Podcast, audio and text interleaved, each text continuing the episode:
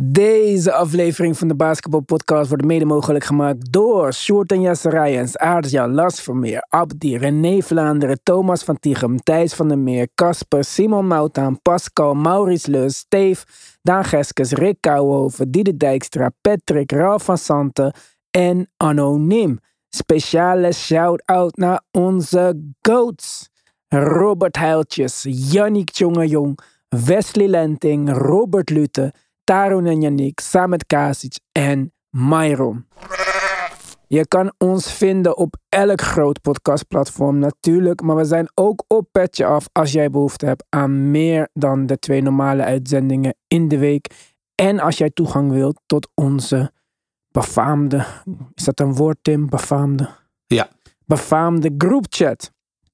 Nou goed, wat je daarvoor moet doen is naar de basketbalpodcast.nl gaan kiezen voor luister op Petje Af en een abonnement nemen op onze Petje Af. Join the family, support the movement. Let's go.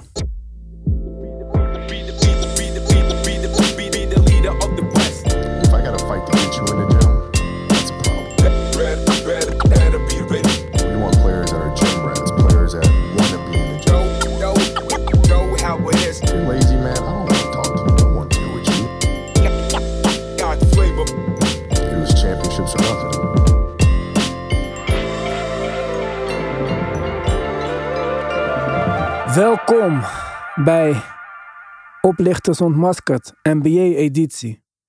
Tim, Jamal Murray en de Miami Heat in zijn geheel hebben ons toch even mooi 82 wedstrijden voor de gek gehouden. Ja, eh, het ware gezicht eh, komt nu eh, nou ja, naar voren, zeg maar. Nu, nu leren we de echte, de echte playoff kandidaten kennen. Ja, Ja, het is playoff tijd en de beide zijn ontwaakt uit een soort van winterslaap of zo.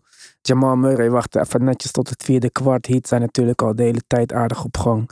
Verrassende game 1 gewonnen uit in Boston. Ik denk dat echt wie op de Heat had gegokt voordat deze playoffs waren begonnen, nu al ingecashed heeft en in zijn nieuwe auto rondrijdt. Want eh, deze mensen, ook al waarschuwen ze me keer op keer, blijven mijn verwachtingen overtreffen dat ze die eerste wedstrijd zomaar pakken. En ook op de manier waarop ze het deden. Ik kan niet eens met zekerheid zeggen dat Boston deze serie nog gaat winnen. nee, dat durf ik inmiddels ook niet meer eh, tegen te spreken. Eh, waar je dat wel mag verwachten en ook wel signalen ziet, is het iedere keer zo dat aan de ene kant Boston zich het veel moeilijker maakt dan het zou moeten. En aan de andere kant je met de Miami Heat ziet dat ze resultaten weten te behalen die nou, werkelijk niemand voor mogelijk hield. En de eerste wedstrijd is daar wederom een goed voorbeeld van. Wederom schieten ze goed, wat we niet van ze gewend waren. En eh, ja, zorgen ze er toch voor dat ze eh, ja, op, op een punt komen dat tegen alle verwachtingen in ze toch weer, net als vorig jaar trouwens, toen ze dat ook, eh, toen ze dat Ja. ook deden, game one pakken. Ja. Ja, we leren niet van onze fouten. Aan de andere kant eh, zijn we verder dan game 1. Hebben we game 2 net achter de rug. Daar zijn wij ook wat later met opnemen. We hebben er even op gewacht. Ik vond het moeilijk om na game 1 iets te zeggen. Na game 2 wordt het niet veel duidelijker voor mij. Maar daar gaan we het zo wel over hebben. Ik wil alleen van jou weten. Ben je verrast met de uitkomst van deze 2-0 stand? Eh, nee, dit is eigenlijk in lijn met wat wij bespraken voordat de serie begonnen. De verwachting was dat we eh, vanuit onze kant in ieder geval dat Denver eh, beide de eerste twee games zouden winnen thuis. En dan is het natuurlijk de volgende vraag: gaan de Lakers dat in eigen huis ook doen? Maar nou ja, daar gokten wij wel op. Dus wat dat betreft ligt het in lijn met de verwachting die we hadden. Ja, en we hebben het op Petje Af gisteren gehad over eh, de draft lottery onder andere. Ook over wat sommige teams met hun picks gaan doen. Dus ga dat snel checken als je dat nog niet hebt gedaan eh, op onze Petje Af, de basketbalpodcast.nl. En dan kies luister op Petje Af. Eh, Tim, het is mooi weer vandaag. We gaan straks vanuit de playoffs gewoon gelijk door in een mooie zomer. En dan kunnen we de hele dag buiten zitten en speculeren over wat er met alle teams gaat gebeuren. Maar voordat we dat gaan doen, moeten we die playoffs wel even afmaken.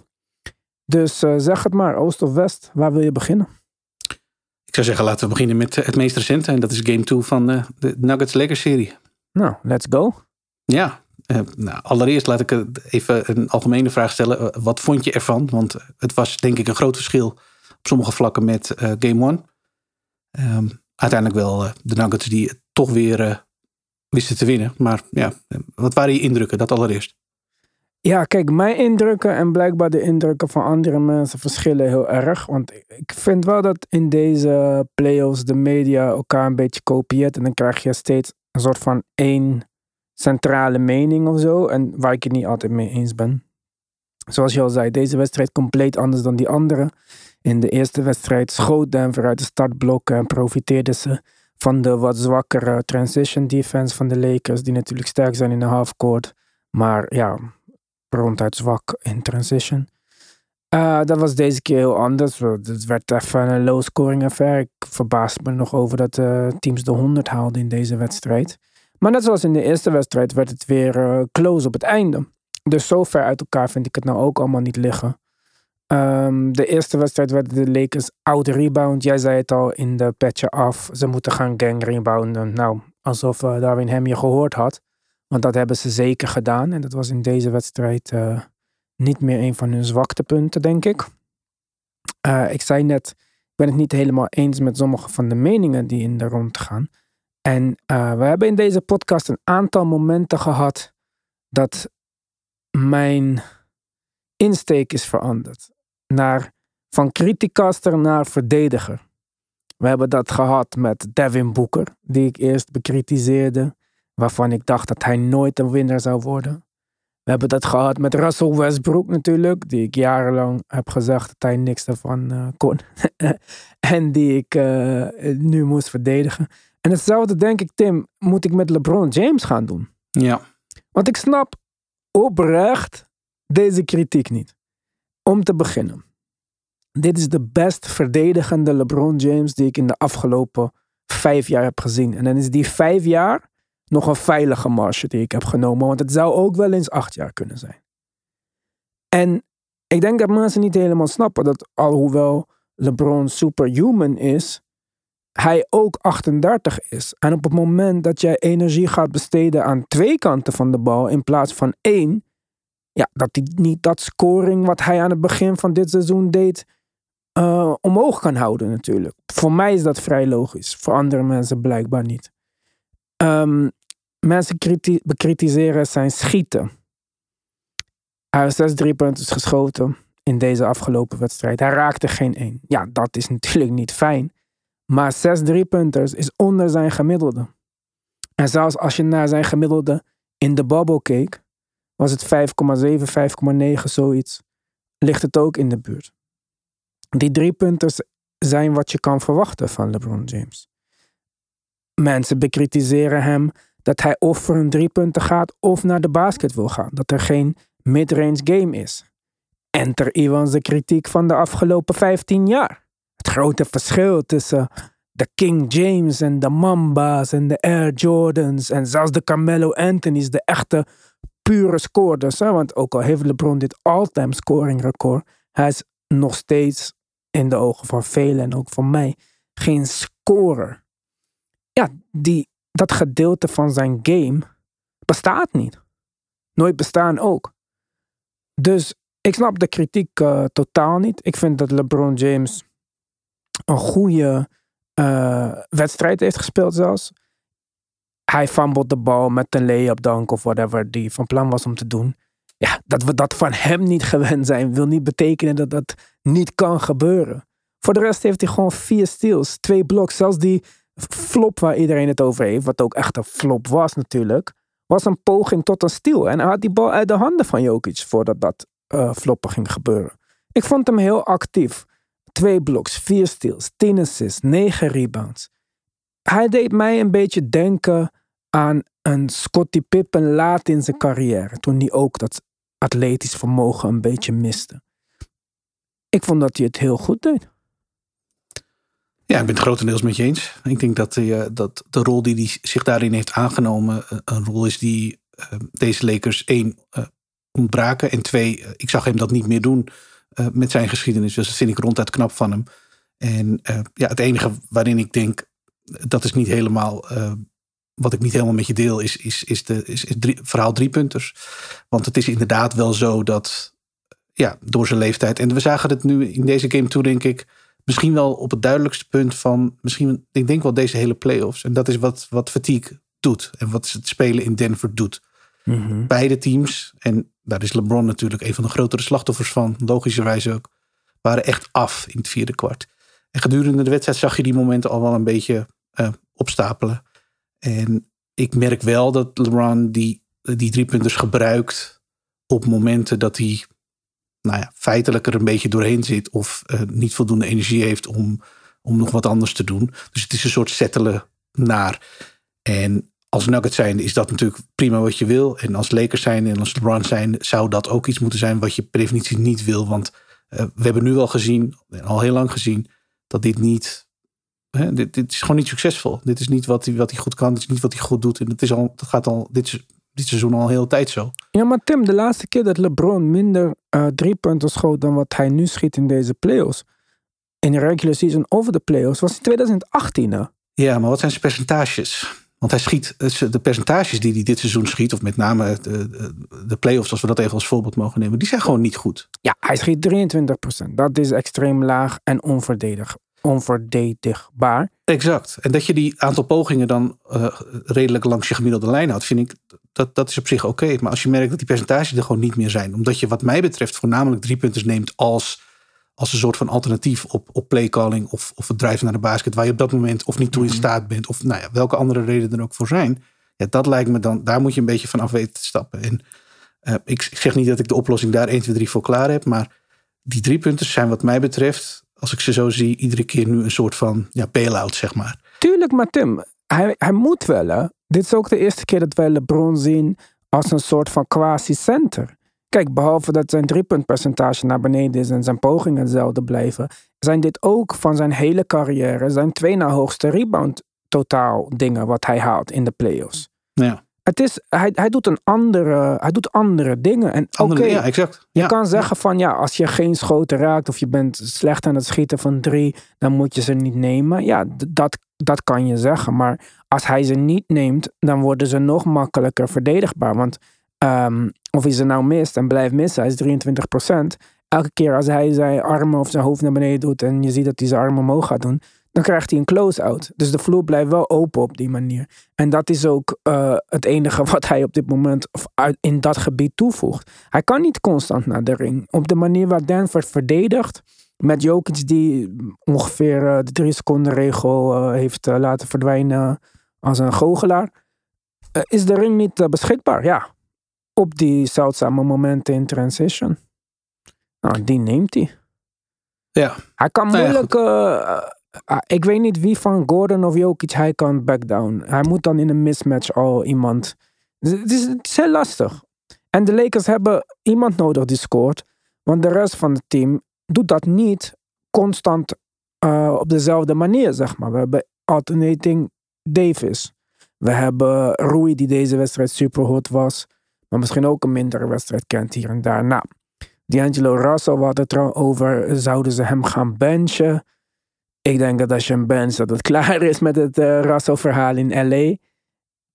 Ik denk dat je hem ook niet, niet kan benchen op dit moment. Want hij voegt gewoon 0,0 toe. En hij verpest het ook nog eens een keertje aan de defensive end, zeg maar.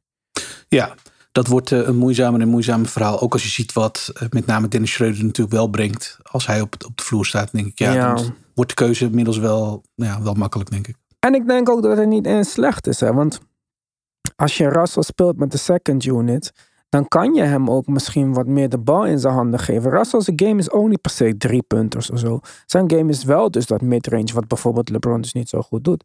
Maar eh, als je dan in die minuten die overlappen met dat LeBron en AD op de bank zitten, D'Angelo Russell kan spelen, wie weet eh, lever je dan wat minder van je aanval in. En ik denk dat Dennis Schreuder, wie had dat gedacht, dat hij de beste defensive guard in een, Eastern, of in een Western Conference Finals kon zijn. Maar die kan je dan misschien beter die startende minuten geven. Je kan Rowie niet starten, denk ik. Want dan mis je gewoon een, ehm, ja, in dit geval vijf dan wat hij speelt van de bank. We hadden 12 seconden Tristan Thompson eh, voor de rust. Maar dat eh, gaan we niet nog een keer zien, denk ik. Dus eh, ja, er, is, er zijn niet zoveel opties. Het is of Dennis Schreuder starten, of je start Rui, maar je hebt geen big meer van de bank. En dan ga je dus die minuten van Davis en LeBron stijgeren. En dat lijkt hem niet echt van plan te zijn. En wat ook trouwens, wat Mike Malone zei, hè, want Iedereen zei na die game 1, ja, we gaan gewoon Rui op eh Jokic spelen en dan eh, is het wel opgelost. Ja, pik. Eh, denk je dat we dat niet hebben gezien de rest van dit jaar of zo? Dat iedereen voor het eerst dacht, hey, Jokic is best wel goed, laten we iets proberen. Ze hebben alle mogelijke defenses gezien, joh. Ja, en de, volgens mij de reden dat ze dat doen is dat ze inderdaad eh, AD eh, nou ja, aan de andere kant willen hebben. En daar zijn meerdere opties voor. Dat hebben we nu ook gezien. LeBron verdedigt Jokic aan en dan is het weer Rui die Jokic Ja. verdedigt. Dus ze, ze zullen dat op die manier een beetje moeten oplossen. En ik denk dat LeBron dat, eh, om terug te komen op het onderwerp wat we net hadden, op, op een hele goede en, en, en ja, knappe manier doet. Maar inderdaad, het gaat ten koste van met name zijn energie in het vierde kwart. Ik vond dat hij eh, misschien wel het toonbeeld was van, van de fatigue in het vierde kwart. En ik denk dat als je, als je op grote lijnen wil kijken wat uiteindelijk het verschil maakt in een wedstrijd die helemaal eh, niet zo gespeeld was als dat ik. Je weet dat ik altijd eerst berichten krijg en daarna een Mhm. wedstrijd ga kijken. Dat is een soort van mijn ritme. Ja. Ik dacht, nou, dit is, eh, was een takeover van Jamal Murray van een achterstand naar een voorsprong. En de, en Nuggets liepen ermee weg. Helemaal niet. ja. Dit was best nog wel close. En dan was het gewoon, het verschil was, Jamal Murray had gewoon de diepste fles zuurstof. Dat was duidelijk. Bewoog, kwam aan zijn schoten en raakte ze. Ook gek, hè, want die speelt de meeste minuten van iedereen. Ja, en je zag aan alles. Hij was echt, hij zat er echt helemaal doorheen. Maar hij bleef maar gaan. En de rest van, eigenlijk de rest van beide teams. Ik denk dat aan de andere kant Austin Reeves het, het, nog het beste voorbeeld was van spelen die daarin nog in mee kon. Ja. Maar dat waren eigenlijk de enige twee jongens die, nou ja, bleven bewe- be- be- bewegen. En daarmee hun schoten konden eh, nou ja, aan de ene kant creëren en uiteindelijk ook maken. En ja, do- doordat, doordat Jamal Murray dat op een voor hem zo, zo herkenbare manier doet, want hij heeft dat vaker gedaan. Ja, dat, dat, dat maakt dan uiteindelijk het verschil. En hij blijft zijn vrije worpen natuurlijk raken in die slotfase. Waarmee de bal eh, iedere keer weer in zijn handen terechtkomt. Hij wordt gefaald, blijft zijn vrije worpen raken. Nou, daarmee eh seal je de deal. Ja, dat, dat maakt dan uiteindelijk het, eh, het verschil in zo'n wedstrijd. Dus Ja. fatigue en ja, wat mij betreft ook een, het, het onderwerp richting de rest van deze series. Er is zo vaak over gesproken. Wat doet spelen in Denver op hoogte met je? En wat doet Mhm. een diepe playoff run met je? Nou, we hebben het nu gezien. Dit is wat het doet. De vraag is nu, is het alleen een diepe playoff run? Of gaan we het verschil met het spelen op hoogte in Denver en we gaan nu naar LA, gaan we dat zien in wedstrijd 3 als de Lakers gewoon weer eh, de, de vloer afrennen en, en wedstrijd 3. Ja, maar die bloedlichaampjes neem je wel met je mee natuurlijk. Voor eh, andere teams is het moeilijk om zo hoog te spelen. Maar mensen die op die hoogte leven gaan beter presteren weer als ze laag spelen. Dus eh, die, dat verschil gaan we niet direct zien, denk ik. Omdat de Nuggets een boost krijgen waar de Lakers weer herstellen misschien. Maar ik denk dat wel home court een groot voordeel is voor de Lakers. We zijn daar volgens mij 6-0 als ik me niet vergis. Ja, Dus eh, dat eh, voorspelt alleen maar eh, goede dingen, denk ik. Ik denk ook helemaal dat ehm, je niet per se moet denken dat de serie nu voorbij is of zo. Ik Nee. denk dat de Lakers gewoon een hele goede kans maken om die twee home games te winnen. Alleen, ja, dan restarten we de serie met twee wedstrijden in Denver en eentje bij de Lakers thuis. Dus dan denk ik dat dat nog een moeilijk verhaal wordt. Ik denk dat de Nuggets er goed voor staan. Ik denk dat de Lakers ehm, ja, een, eh, een, een mooie playoffs eh, hebben tot nu toe. Ik denk dat veel van eh, hun moves die ze hebben gemaakt goed zijn uitgepakt. En waar dat normaal gesproken positief is, denk ik dat in dit geval. Ik, ik zat naar Austin Reeves te kijken gisteren en ik dacht van zo hé. Op het moment dat ik denk dat deze serie gaat verliezen, ga ik deze man benchen. Want als hij nog te veel goed speelt, dan bestaat er 0% kans dat wij hem nog gaan resignen. ja, deze, Ja, deze man was de optie in de slotfase. Ja, we hadden het over LeBron, bal in zijn hand. Geef Austin Reeves de bal in zijn hand. Ja, en dat, kijk, dat, eh, dat dacht ik ook gelijk na de wedstrijd. Ik dacht dat hij minder minuten had gespeeld dan de 36 die hij uiteindelijk heeft gespeeld. Maar het zijn er nog steeds vijf minder dan bijvoorbeeld Anthony Davis of eh, LeBron. Mhm. Eh, het zijn er maar vier meer dan, drie meer dan D'Angelo Russell. Dus dat is wel heel gek, vind ik. Maar Austin Reeves, overal, ik bedoel, LeBron en AD zijn in theorie de beste spelers. Maar Austin Reeves is de meest consistent van eh, de drie, denk ik. Zeker. Ik denk dat hij de tweede beste speler van de Lakers was. Deze, ehm, deze, Deze wedstrijd? Nee, deze playoffs. Gemiddeld. Deze- Oh, gemiddeld genomen. Ja. Ja, hij Je heeft had wel pieken wat- van AD die on the level waren. Ja, Maar Klopt. AD hebben we nog niet gezien deze serie. Eh, nee, nee, wat dat betreft is, eh, is, de, is, is de lijn met pieken en dalen van Reeves iets minder, iets minder extreem. Eh, en is hij wat mij betreft ook wel een goede optie van, van buitenaf. En dat is wat deze wedstrijd voor de Lakers eh, nou ja, ook gewoon niet goed ging. Dus ja, daarin onderscheidt hij zich wel, vind ik. Hij, hij blijft een optie die, eh, die lekker aan het schieten is van, van buitenaf.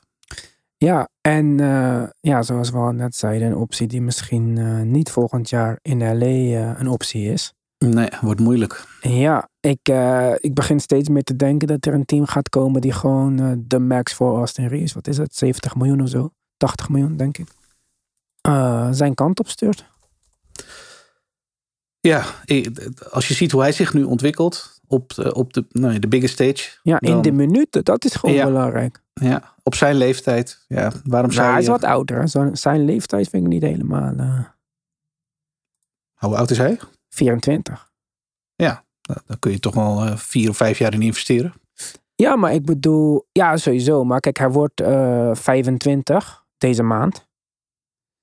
Dus je kan niet echt super veel extra ceiling nog verwachten, denk ik. Ik denk dat hij beter kan worden met meer de bal en meer schoten. Want hè, hij krijgt nu gewoon niet de schoten die ik denk een speler van zijn kaliber. En dat is allemaal wat ik denk nu, want het is natuurlijk nog een relatief kleine sample size.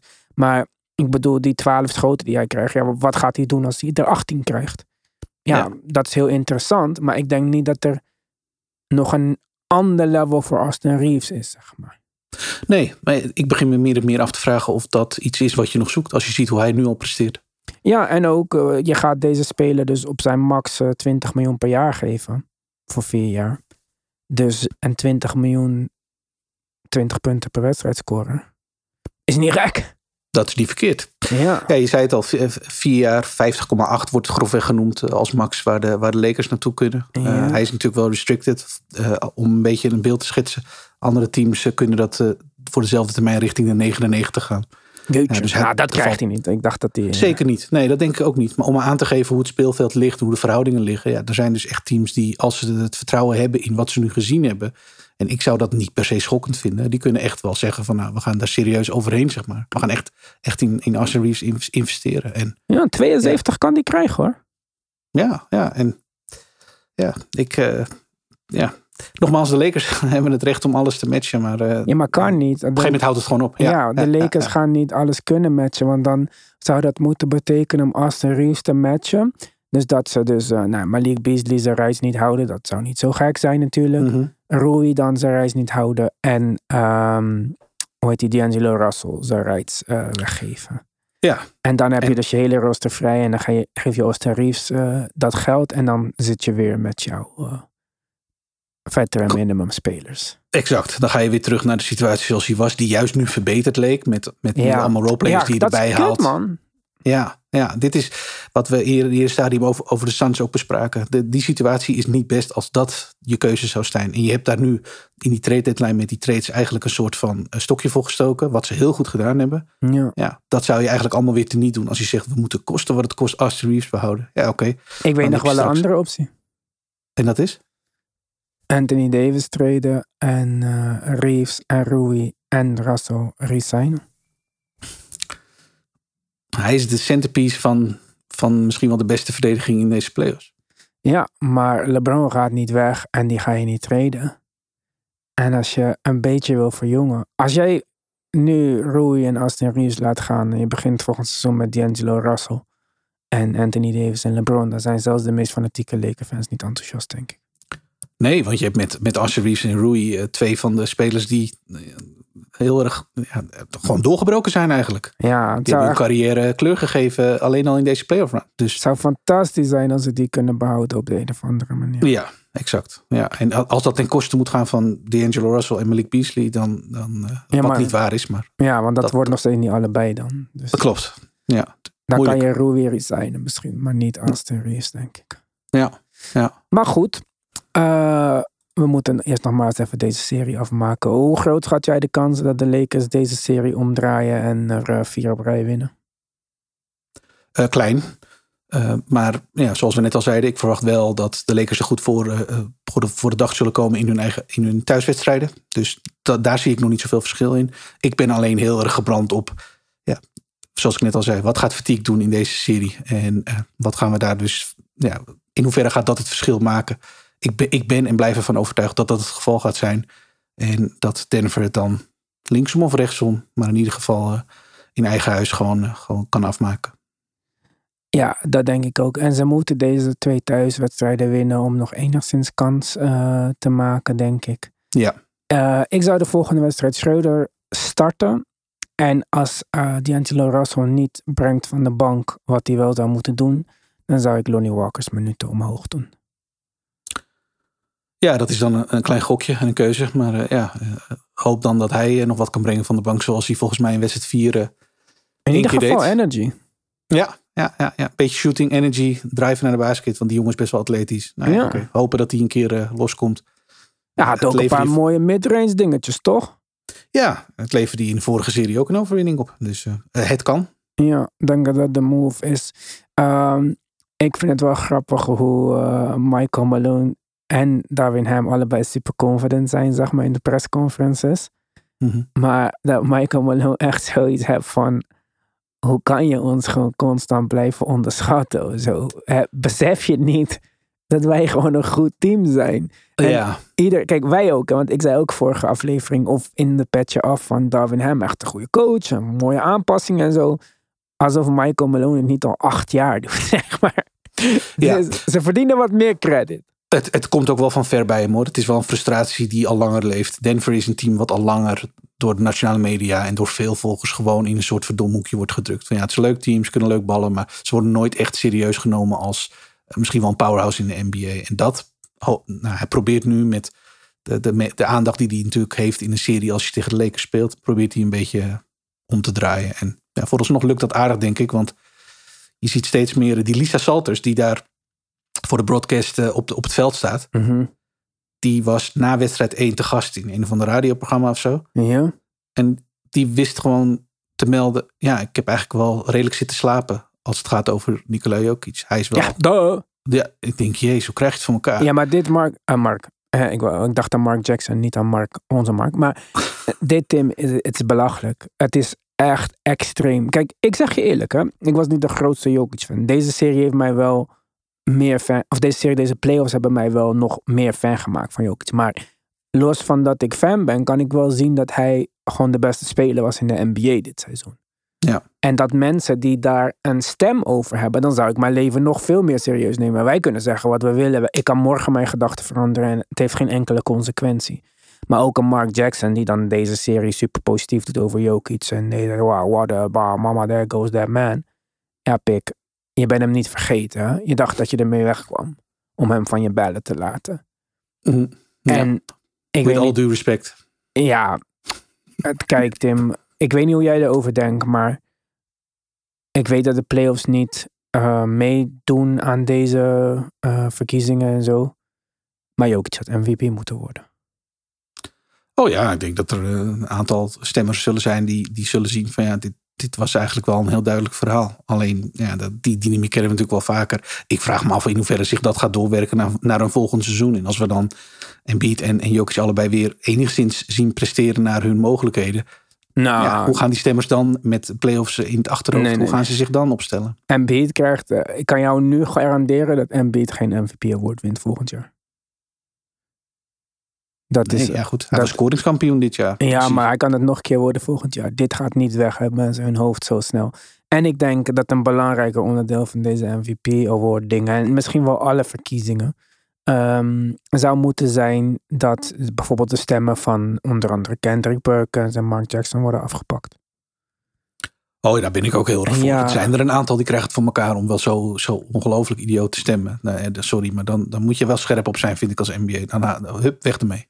Ja, ik denk dat het bijvoorbeeld interessant wordt als de NBA ehm, de stemmen eh, aan andere mensen zou geven. Want kijk, er zijn ook soms gewoon mensen die stemmen uit een ander land en dan voor Larry Marken als MVP of zo. Omdat ze per se uit, omdat zij uit Finland komen. Ik zeg Ja. maar wat, hè? niet dat het gebeurd is. Maar kijk, dat kan niet. Ik denk dat het misschien interessant zou zijn om, eh, net als bij de All-Star verkiezing bijvoorbeeld, een gedeelte van de stemmen door de fans te laten doen, een gedeelte door de stemmen, van de stemmen door de spelers, een gedeelte door de media en dan met de zwaarst wegende, bijvoorbeeld 50%, een x aantal experts die de NBA dan heeft uitgekozen.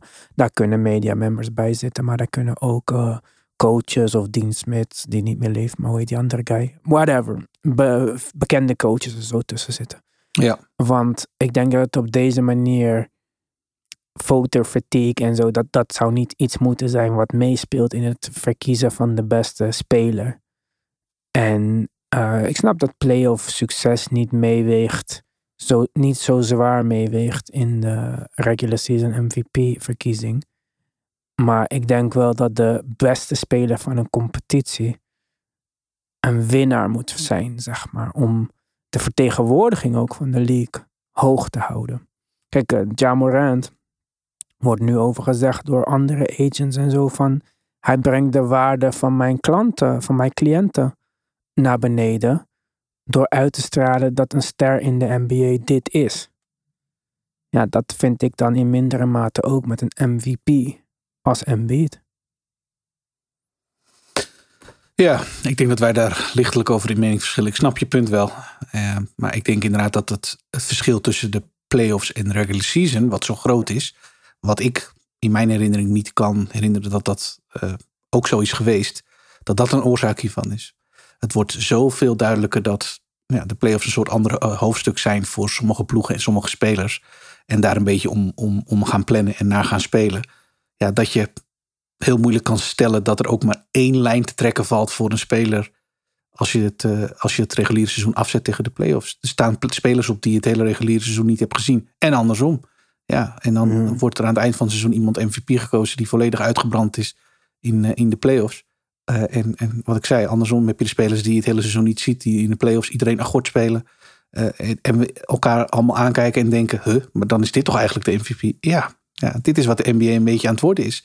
Ze, ze zullen wat aan moeten met dat reguliere seizoen. Nou, dat gaan ze ook doen komend jaar. Dus we gaan zien wat dat voor effect heeft. Ja, maar dat gaat alleen wat veranderen aan de interessantheid van het regular season. Het heeft geen implicaties voor uh, playoff seeds of zo. Dat als je de play-in of dat uh, in-season tournament wint, dat jij uh, je tegenstander mag kiezen in de eerste ronde van de playoffs of zo. Nee, klopt. Maar het, het, het zou, je zou naar de situatie toe willen waarin het reguliere seizoen voor de spelers zelf of voor de teams dan uh, belangrijker wordt. Om welke reden dat dan ook mogen zijn. We hebben natuurlijk die MVP's die met een minimaal aantal wedstrijden moeten gespeeld hebben vanaf komend seizoen. Ja, maar dat, Geen, ja, daar voldoet ja. elke MVP aan van de laatste 50 jaar. Ja, meestal wel. Ja, ja dus, dus dit is een. Ja. Nee, het is moeilijk. Ik, ik, ik denk dat, dat de reden is dat we dit dus nu duidelijker dan ooit zien. Uh, is, is volgens mij het grote verschil tussen regulier seizoen en playoffs. Dat is het probleem wat mij betreft. Dat zal moeten worden aangepakt. En zolang dat niet zo is, ga je dit soort fenomenen, zoals Jimmy Butler, maar ook een Jokic, ga je zien. Want uh, Denver uh, cruisde de, de, laatste vier weken van het reguliere seizoen, omdat ze het allemaal wel gesneden vonden. Dat kostte Jokic in feite zijn MVP, uh, omdat Embiid aan de andere kant gas gaf. En in de playoffs zien we daadwerkelijk hoe de verhoudingen liggen. Ja, maar dan is die MVP al vergeven. Dus, dus, dus, dus uiteindelijk zal de NBA wat moeten blijven doen aan uh, met name het reguliere seizoen. Yes. Uh, voordat we naar het oosten gaan, is er nog iets wat je wil weten over deze serie uit het westen? Nee, ik denk dat we. Ik weet niet hoe het met jou zit, maar ik ben heel benieuwd naar, uh, naar de volgende wedstrijd. Wat doet de korte rust tussen de wedstrijden met deze ploegen? Wat doet het verschil Denver-LA met deze ploegen? Uh, nee, ik kan niet wachten. Ik ben benieuwd. Ik ook. Nou, Oosten dan. Ja. Miami-Boston. Um, ja, ik weet niet hoe het met jou zit, maar iedere keer als we uh, uh, Miami weer, en ik zeg iedere keer, want het is al zoveel vaker gebeurd, zo'n wedstrijd zien winnen, uh, zoals we nu ook weer gezien hebben, denk ik, hoe krijg, ik kan de Miami net zo goed, hoe krijgen ze het voor elkaar noemen, want het is de zoveelste keer dat ze ja, een wedstrijd onder je ogen vandaan stelen.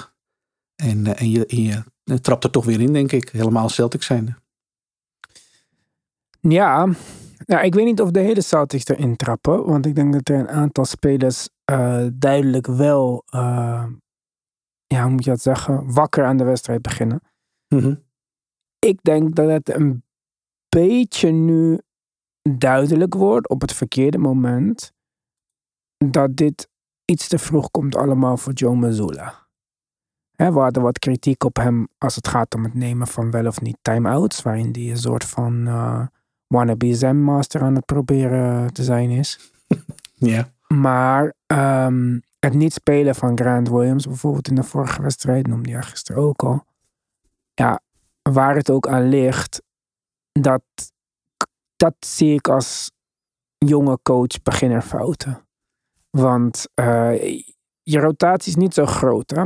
En jouw basis nu, want waarom ook Rob Williams al niet het hele, de hele playoff starten? Want dat was niet een helding, dat was een keuzeding. Ehm, dat, dat lijkt nu zoals het is. Dus we hebben weer dezelfde starting line-up als die we vorig jaar hadden. We hebben nu een Brogdon van de bank. Die is natuurlijk ook een duidelijke six-man. Letterlijk de six-man. Maar daarna zou het toch simpeler zijn, denk ik. Moeten zijn dan dat uh, Missoula het maakt. Grant Williams was vorig jaar hartstikke goed in de playoffs. Is de Ja. man met de meeste ervaring. En defense, toughness, het verdedigen van multiple eh, positions, is nou net wat ze nodig hebben. Dus wat het ook is, wat Mazula heeft toen besluiten hem niet te spelen, daar moet hij zich heel snel overheen gaan zetten. Want als het ook maar.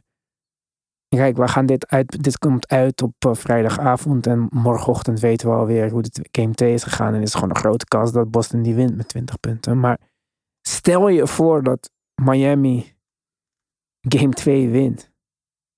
Dan heeft Boston een serieus probleem. Oh ja, 100% Ehm, ze zullen dat wat mij betreft, dat is, tenminste dat was mijn, eh, een van mijn conclusies, wel anders moeten gaan doen dan Game 1. Wat dat betreft is Game 1 ehm, weer een voorbeeld geweest van misschien wel een typische eerste wedstrijd in een serie. Zoals we dit eh, in de playoffs al vaker gezien hebben. Het zegt niet zo gek veel over de series eh, aan zich. Omdat de Heat in dit geval bijvoorbeeld heel goed schoten. Nou, dat zorgde ervoor dat die line-up met Rob Williams en Al Horford, twee bigs, eh, het niet heel erg goed deden. En het was nou net de sleutel waarmee ze de vorige serie natuurlijk min of meer binnenhaalden. Ehm, ja, dan zou je zeggen, oh, moeten we daar dan weer van afstappen? Want de line-ups met nou ja, Derek White op het veld en eh, inderdaad ook een Brogdon, die waren, deden het een stuk beter. Ja, nee, ja, de Heat schoten eh, alleen al bijvoorbeeld van 3, 51 procent. Ja, ik kan me niet voorstellen dat de Heat dat eh, nog een wedstrijd laat staan een serie gaan doen. En ja, dat zou dus, zou dus moeten betekenen dat we waarschijnlijk een wedstrijd 2 gaan zien. waarin we een, een Heat-team gaan zien die het ook anders moet gaan doen. En zo, dan, dan is de vraag hoe gaat dat eruit zien? En twee, kan Boston daar wel een soort van controle over nemen? Want ik denk niet dat ze per se hadden verwacht dat de Heat eh, eh, nou ja, zo goed zouden schieten als dat ze deden.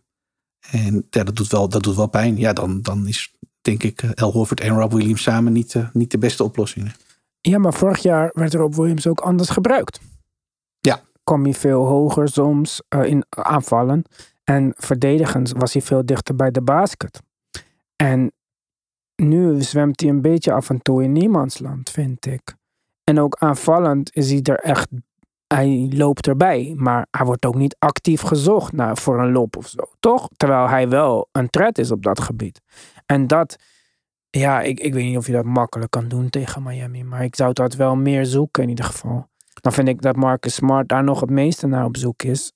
En ja, ik weet niet of hij de enige zou moeten zijn die dat doet, zeg maar.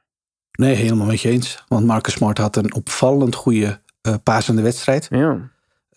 Ik kan wel zeggen, eh, creërende wedstrijd. Maar dat is niet per se. Het een zegt niet per se alles over het ander. Maar Marcus Smart, zijn passing is niet altijd.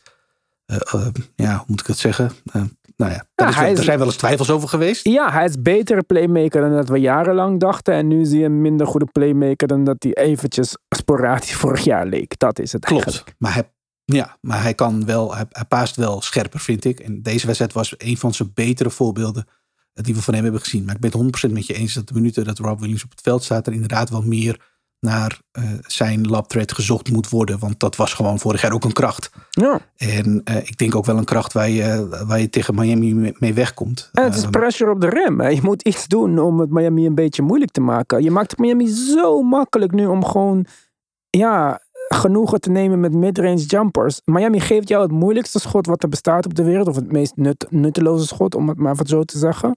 Ze nemen de basket weg, de, de runs naar de rim. En eh, ze nemen de driepunter voornamelijk weg. Ze geven jou alle moeilijke twee-puntschoten op de wereld. En je valt gewoon in de val en je neemt ze. Ja, Ja, terwijl je als, als Celtic zijn, ja, je bent een goed schietend team. Dat is, dat is, dat is altijd je kracht geweest. En Ja, inderdaad, in de eerste helft, ja, in de eerste helft eh, was de weg naar de basket eh, redelijk vrij. Konden ze redelijk losgaan daarin. Ja, zoals de Heat van, van de Heat gewend zijn. We hebben het notabene in de vorige serie nog gezien. Tegen New York deden ze precies hetzelfde. Exact hetzelfde. Dus eh, halverwege maken ze de adjustment en dan wordt de boel dichtgetimmerd. Ja, dan, dan zou je moeten vervallen, wat mij betreft, als Celtic zijn. In van, nou oké, laten we dan zoveel mogelijk driving kick-outs doen en, en gaan lopen schieten. Want eh, dat kunnen we op papier. Nou, eh, Jason Tatum's playmaking was weer niet wat het zou moeten zijn. Ja, Ehm, eh, ik denk dat ik vind sowieso dat ja, de, de keuzes niet altijd even goed waren. Smart, wat was mij betreft de uitzondering. Die vond ik echt, die vond ik dat wel goed doen. Maar ja, ik vind het moeilijk om, ik vind het moeilijk om te zien dat de Celtics dan niet een, een knop kunnen omzetten en gemakkelijk in een waarschijnlijk voor hun comfortabele eh, speelwijze terechtkomen. Namelijk, eh, ja, we schieten alles lekker weg. En als de, als de percentages enigszins vallen, eh, zoals je van de Celtics mag verwachten, ja, zoals we vaker gezegd hebben, dan is er in principe geen, hou, geen houden aan voor een, voor een ander team. Nou, dat gebeurt niet. Het was te besluiteloos. Je zei het al. Ze vallen dan in een, in een val die Miami zet. Van, nou ja, neem Ja. dan de ongemakkelijke, ongemakkelijke makkelijke midranges. Eh en ja, Miami eh, st- steelt het onder je ogen vandaan weg. ja, maar dat moet niet kunnen dat je in zo'n val valt. Nee, nee, zeker niet met de geschiedenis van beide teams. Deze teams kennen elkaar, hebben drie van de afgelopen vier jaar elkaar, zijn elkaar tegengekomen. Eh, Ja, maar de coach niet, Tim. Dat is het probleem. Ja, maar ik bedoel, die ja, was er wel. Ja, Hij Ja, er was wel. erbij, tuurlijk. Maar dit, Ja, deze die, rol, die spelers zelf ook. Ik bedoel, hij heeft het gewoon goed gedaan dit seizoen. Maar het belangrijkste van vorig jaar was dat als de aanval van Boston niet liep, dat ze konden terugvallen op de defense. Want dat is wat we de eerste helft van het seizoen aan hebben besteed om het goed voor elkaar te krijgen. Ja. En die defense is nu weg. Dus op het moment dat de aanval het niet doet, dan zijn ze ook binnen een paar minuten gewoon geklopt. En Miami, ja, als ze zo gek doen en eh, opeens drie punten gaan raakschieten en dat Kevin Love gewoon af de dribbel drie's gaat nemen en shit. ja, Ja, dan is het gewoon klaar, Tim. ja, ik weet het. Ik weet het. Dan, en en als, als Miami dat nog een paar keer kan repliceren, want het meer is niet nodig. Ze hoeven het niet elke wedstrijd te doen. Ze hoeven het niet weg te lopen met deze serie. Maar als ze dat nog een paar keer kunnen doen, en nou, we hebben gekkere dingen van niet gezien, ja, dan, eh, dan moet je gaan vrezen voor de series. Dat, dat ik, en, en met alle respect voor Miami, dit, dit is geen nak aan Miami, maar het, het zou toch niet waar moeten zijn dat het zover komt. Dat het Miami Heat het voor elkaar krijgen om een team wat eigenlijk aan de overkant dus, de Celtics, alle ingrediënten hebben voor een, voor een kampioenschapsteam. Gebalanceerd, de juiste spelers, de juiste skills, whatever. Noem het maar op, talent. Ja, en ze, ze eten gewoon de kaas, laten gewoon de kaas van het brood eten door een veel eh, bewerkelijker team, intelligenter team misschien wel met ja, Jimmy Butler voorop. Dat is natuurlijk een absoluut fenomeen. Ik vind het wel grappig. Ja, het is, het is een leuke ja. We kunnen alles wel eh, voorspellen en eh, alles eh, helemaal volgens verwachting gaat. Maar ik denk dat dit soort ontwikkelingen, eh, ja, voor de Heat is dat natuurlijk al de hele playoffs aan de hand. Zijn, maken het wel leuk. Ja. Ja. Goed, we gaan vanavond die game 2 uit die serie bekijken. Ik, ik ben echt heel benieuwd. Ehm, het is echt super kut dat deze playoffs elke dag een wedstrijd hebben van een andere serie, zeg maar. Dus wij zijn, wanneer we het ook uitbrengen, te laat. Eh, dat is jammer, maar we proberen daar met Patje Af en deze uitzending gewoon een beetje een draai in te vinden. Dus wil je echt op de hoogte blijven van eh, alles, dan zien we jou op Patje Af, denk ik petjeaf.com slash de basketbalpodcast. Tim, ik spreek jou snel weer. Ga genieten van het mooie weer. Dankjewel. Tot snel. Later.